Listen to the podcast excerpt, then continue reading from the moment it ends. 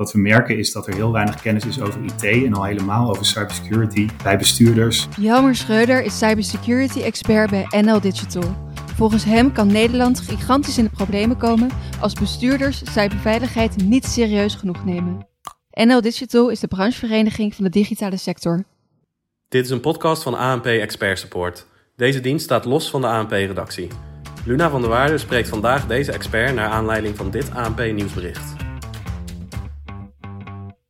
De Nederlandse bedrijven die zijn getroffen door de mega-cyberaanval afgelopen weekend zitten met hun handen in het haar, zegt cyberbeveiliger ISET. Die denkt dat het om honderden bedrijven gaat in het midden- en kleinbedrijf. De hackersgroep sloeg wereldwijd toe en eist nu 70 miljoen dollar als losgeld in bitcoin. Ik spreek vandaag met Jelmer Schreuder van NL Digital. Het aantal cyberaanvallen neemt flink toe. Hoe komt dat? Ik denk dat wat we zien natuurlijk is dat er steeds meer en meer gebruik gemaakt wordt van het internet en ook steeds meer systemen hangen aan het internet. En wat je denk ook moet, moet realiseren dan is dat zowel het aantal mogelijke aanvallers neemt toe, maar ook de kennis van mensen over wat er aan aanvallen mogelijk is, wordt veel sneller gedeeld. Dus het aantal type aanvallen en het aantal mensen dat weet van die mogelijke aanvallen, dat neemt ook toe. En dat is, nou ja, de, de keerzijde eigenlijk van, van met, met z'n allen met elkaar in contact staan, is dat er dus ook veel meer potentiële aanvallers zijn. En, en er wordt er gesproken over een supply chain attack. Um, ja, wat is dat dan precies en waarom is dat zo gevaarlijk? Ja, dus, dus waar we dan over spreken is dat er is een, een keten van leveranciers. En dat zie je eigenlijk nou, overal wel. Je hebt namelijk, uh, bijvoorbeeld stel dat jij maakt een product als een, als een mobiele telefoon. Dan, dan heb je een leverancier, dan, dan heb je degene die jouw telefoon bouwt. Maar die haalt vaak dan bijvoorbeeld het beeldscherm en uh, andere stukken van de telefoon weer bij andere leveranciers vandaan. En dat gebeurt ook bij, bij softwarediensten. En dan wordt dus een stukje van de software wordt geleverd door een andere leverancier. En die levert dan niet alleen aan die ene softwareleverancier, maar die levert dan een hele hoop. Dus wat gebeurt er nou bij zo'n supply chain attack? Eigenlijk is dat één onderleverancier wordt aangevallen. Daar wordt een, een, een kwetsbaarheid in gevonden of daar wordt een, een mogelijke hack in gevonden. Maar door die ene te hacken zijn ze direct ook binnen bij alle klanten van die ene. En dan is het dus niet één bedrijfje, maar dan zijn het alle klanten van het bedrijfje. En in dit geval is het zelfs nog eentje verder, want het zijn de, de, de klanten van het bedrijf dat, dat waar de kwetsbaarheid zat. Maar die heeft ook weer heel veel klanten. Uh, en daardoor is het eigenlijk nou ja, een soort van uh, uh, piramidespel, zeg maar, haast van, van, van hoeveel er geraakt kan worden. Het is eigenlijk gewoon een soort domino-effect, lijkt het. Ja, maar dan, dan zeg maar zo'n driehoekige domino, waarbij het aantal steentjes steeds groter wordt. En Nederlandse ethische hackers hebben geprobeerd de aanvallen te voorkomen.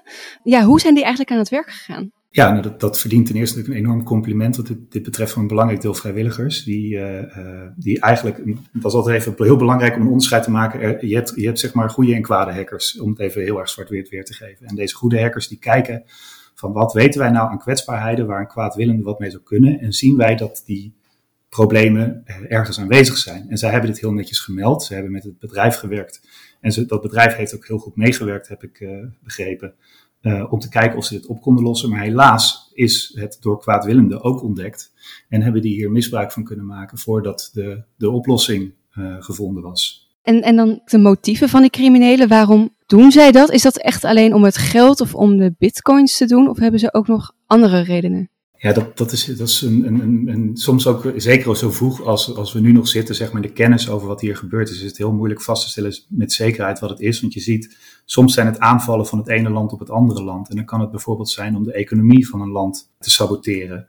Um, soms is het gewoon uit, het, nou ja, zeg maar, zijn het, is een clubje mensen die eigenlijk uit pure kwaadwillendheid schade wil aanrichten om daarmee bekend te worden. Soms is het om informatie te stelen, zodat ze producten kunnen namaken. En uh, nou in dit geval hebben we natuurlijk onder andere ransomware gezien, maar je weet soms niet eens zeker of dat het echt het doel was. En dan is dus inderdaad, ransomware gaat om afpersing. Soms weet je niet eens zeker of dat het echt het doel was, totdat je echt goed hebt kunnen zien wat er is gebeurd in zo'n hack. Ja, en je benoemde net ook al de driehoek, om het zo maar te, te zeggen. Dus uh, dat als het ene bedrijf uh, gehackt wordt, dat dan uh, de kans heel groot is dat een andere dat ook overkomt. Maar dan wil ik toch even naar de bedrijven en hun veiligheid. want vooral bedrijven in het midden- en kleinbedrijf zijn getroffen door de aanval. Wat kunnen bedrijven nou doen om hun computersystemen goed te beveiligen? Dat, dat, verschilt natuurlijk heel erg van bedrijf tot bedrijf. Want sommige bedrijven hebben het wel heel goed op orde en andere bedrijven wat minder goed. En eigenlijk is het allerbelangrijkste is om in beeld te hebben wie zijn, uh, wie zijn je leveranciers. En heb je met die leveranciers de goede afspraken gemaakt? Dus heb je met hen afspraken over dat er tijdig updates worden gedraaid en wie zijn de. Uh, en ze hebben die leveranciers zelf, heb met hen ook het gesprek van wie zijn jullie leveranciers? Dus wie zijn weer, en dat is precies natuurlijk wat hier aan de hand is geweest. Het is niet bij de, leverancier, de rechtstreekse leverancier, maar bij de indirecte leverancier is hier wat misgegaan. En hebben, zij daar weer de goede afspraken mee. En dat is een, dat merken we aan alles. Dat is gewoon een onderwerp dat is nog heel nieuw. En dat is heel moeilijk te navigeren. Wij zijn bijvoorbeeld zelf ook als branchevereniging in gesprek met het ministerie van Economische Zaken. Van hoe kunnen we hier nou komen tot een mooie oplossing dat we met overheid en bedrijfsleven samen ervoor zorgen dat, dit, uh, dat hierover betere afspraken komen en dat dit beter voorkomen kan worden. En je noemde net ook al even de overheid en het gesprek daarmee. Wat kan die doen om dit probleem aan te pakken?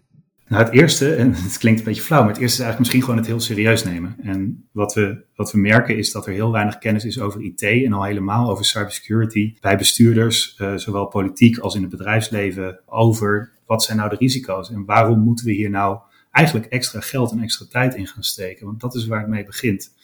Uh, afgelopen kabinetsperiode is wel een goede extra investering gedaan, maar het is nog lang niet genoeg.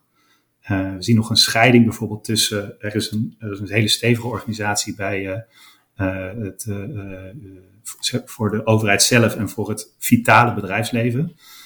maar er is nog een heel veel groter bedrijfsleven daarbuiten. Ik geloof 1,8 miljoen bedrijven uit mijn hoofd die uh, niet bediend worden daardoor. En die worden nu bediend door eigenlijk een heel klein uh, organisatie binnen economische zaken. En daar zou echt extra investering nodig zijn. Want ja, je noemt het net zelf al, deze aanval raakt het MKB. Die moeten worden geholpen door een heel klein clubje mensen bij EZK. En daar is echt extra geld nodig. En als dat nou niet gebeurt, ja, wat voor gevolgen kan dat verder hebben? Moeten we ons nou echt heel veel zorgen gaan maken? Nou, we moeten ons sowieso zorgen maken, want uh, dit, kan, dit kan niet alleen door één, uh, bijvoorbeeld alleen door de leverancier worden opgelost. Dit moet door, door hele goede samenwerking tussen overheid, tussen bedrijfsleven en dan in het bedrijfsleven dus zowel de klant als de leverancier worden opgelost. Want extra investeren in cybersecurity vraagt ook gewoon echt om extra aandacht ervoor. En dat, ja, dat is, betekent ook iets meer servicekosten. En op die manier moeten we met z'n allen eraan werken om het veiliger te maken en ook ervoor te zorgen dus dat het minder dat uh, nou, kwetsbaarheden snel opgelost worden.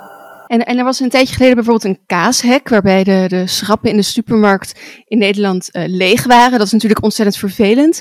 Maar ja, zijn er ook nog andere voorbeelden van het buitenland waarin dit uh, naar boven komt, wat voor consequenties die cyberaanvallen kunnen hebben? Degene die, die dan het eerste bij mij opkomt is, uh, is wat er in, is, nou eigenlijk wereldwijd, maar specifiek in Oekraïne is gebeurd vier jaar geleden. De NotPetya-hack. Um, en toen zijn er eigenlijk heel veel. Uh, dat, dat lijkt achteraf, als we terugkijken, we hebben nu natuurlijk vier jaar gehad om naar terug te kijken, zie je dat iets van 80, 90 procent van de getroffen bedrijven zat in Oekraïne. Dus het is moeilijk um, nou ja, om eraan te ontkomen dat het wel heel specifiek gericht lijkt te zijn geweest. Uh, en daar is toen onder andere uh, zijn banken geraakt. Dus dan zie je dat het betaalverkeer stil komt te liggen. Nou, dan komt eigenlijk je economie stil te liggen als je niet uitkijkt. Er zijn elektriciteitsbedrijven geraakt. Uh, dus moet je je voorstellen dat de hele elektriciteitsvoorziening uitvalt. En ik geloof dat zelfs de monitoring van de uh, radioactieve straling in, in Tsjernobyl is hierdoor uh, enige tijd stil komen te liggen. En zo zie je dat nou ja, zoiets wat vanuit, en ook daar is het gegaan, er is één bedrijfje eigenlijk gehackt. En vanuit dat ene bedrijfje hebben ze op heel veel andere plekken binnen kunnen komen. Loopt Nederland gevaar? Um, Even een heel concreet voorbeeld hoor, want er zijn, er zijn meerdere voorbeelden. Maar een heel concreet voorbeeld is dat een paar weken terug het ministerie van Infrastructuur en Waterstaat nog even moeten reageren op zorgen over onze waterinfrastructuur. Dan moet je denken aan drinkwater, aan uh, de, de, de, dingen die we hebben om overstroming te voorkomen. En dat er eigenlijk de, de cybersecurity gewoon nog lang niet van op orde was. En daar is nu, nou ja, daar is nu een heel omvangrijk plan voor gekomen om daar echt wat aan te gaan doen. Maar uh, dat hebben we daar nodig. Dat moet zo snel mogelijk uitgevoerd worden natuurlijk. Uh, en dat hebben we ook op heel veel andere plekken nog nodig. En, en hoe kan het beter? Hoe kunnen we Nederland en ja, misschien eigenlijk ook wel de rest van de wereld nou goed voorbereiden hierop of veiliger maken? Het, het, het, is een heel complex issue, want dat is natuurlijk waarom we er nog geen oplossing voor hebben. En dat vraagt om heel veel samenwerking en heel veel ook ten eerste gewoon ervoor te zorgen dat we op bestuurlijk niveau, dus dat de, de, de bestuurders, zowel politiek als bij het bedrijfsleven, ook gewoon zien hoe belangrijk het is en hierin willen investeren.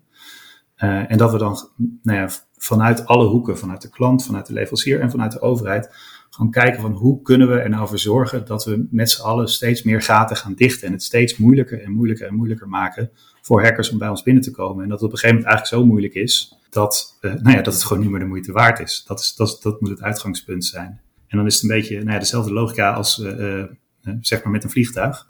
Het mag alleen neerstorten als er honderd dingen tegelijkertijd misgaan.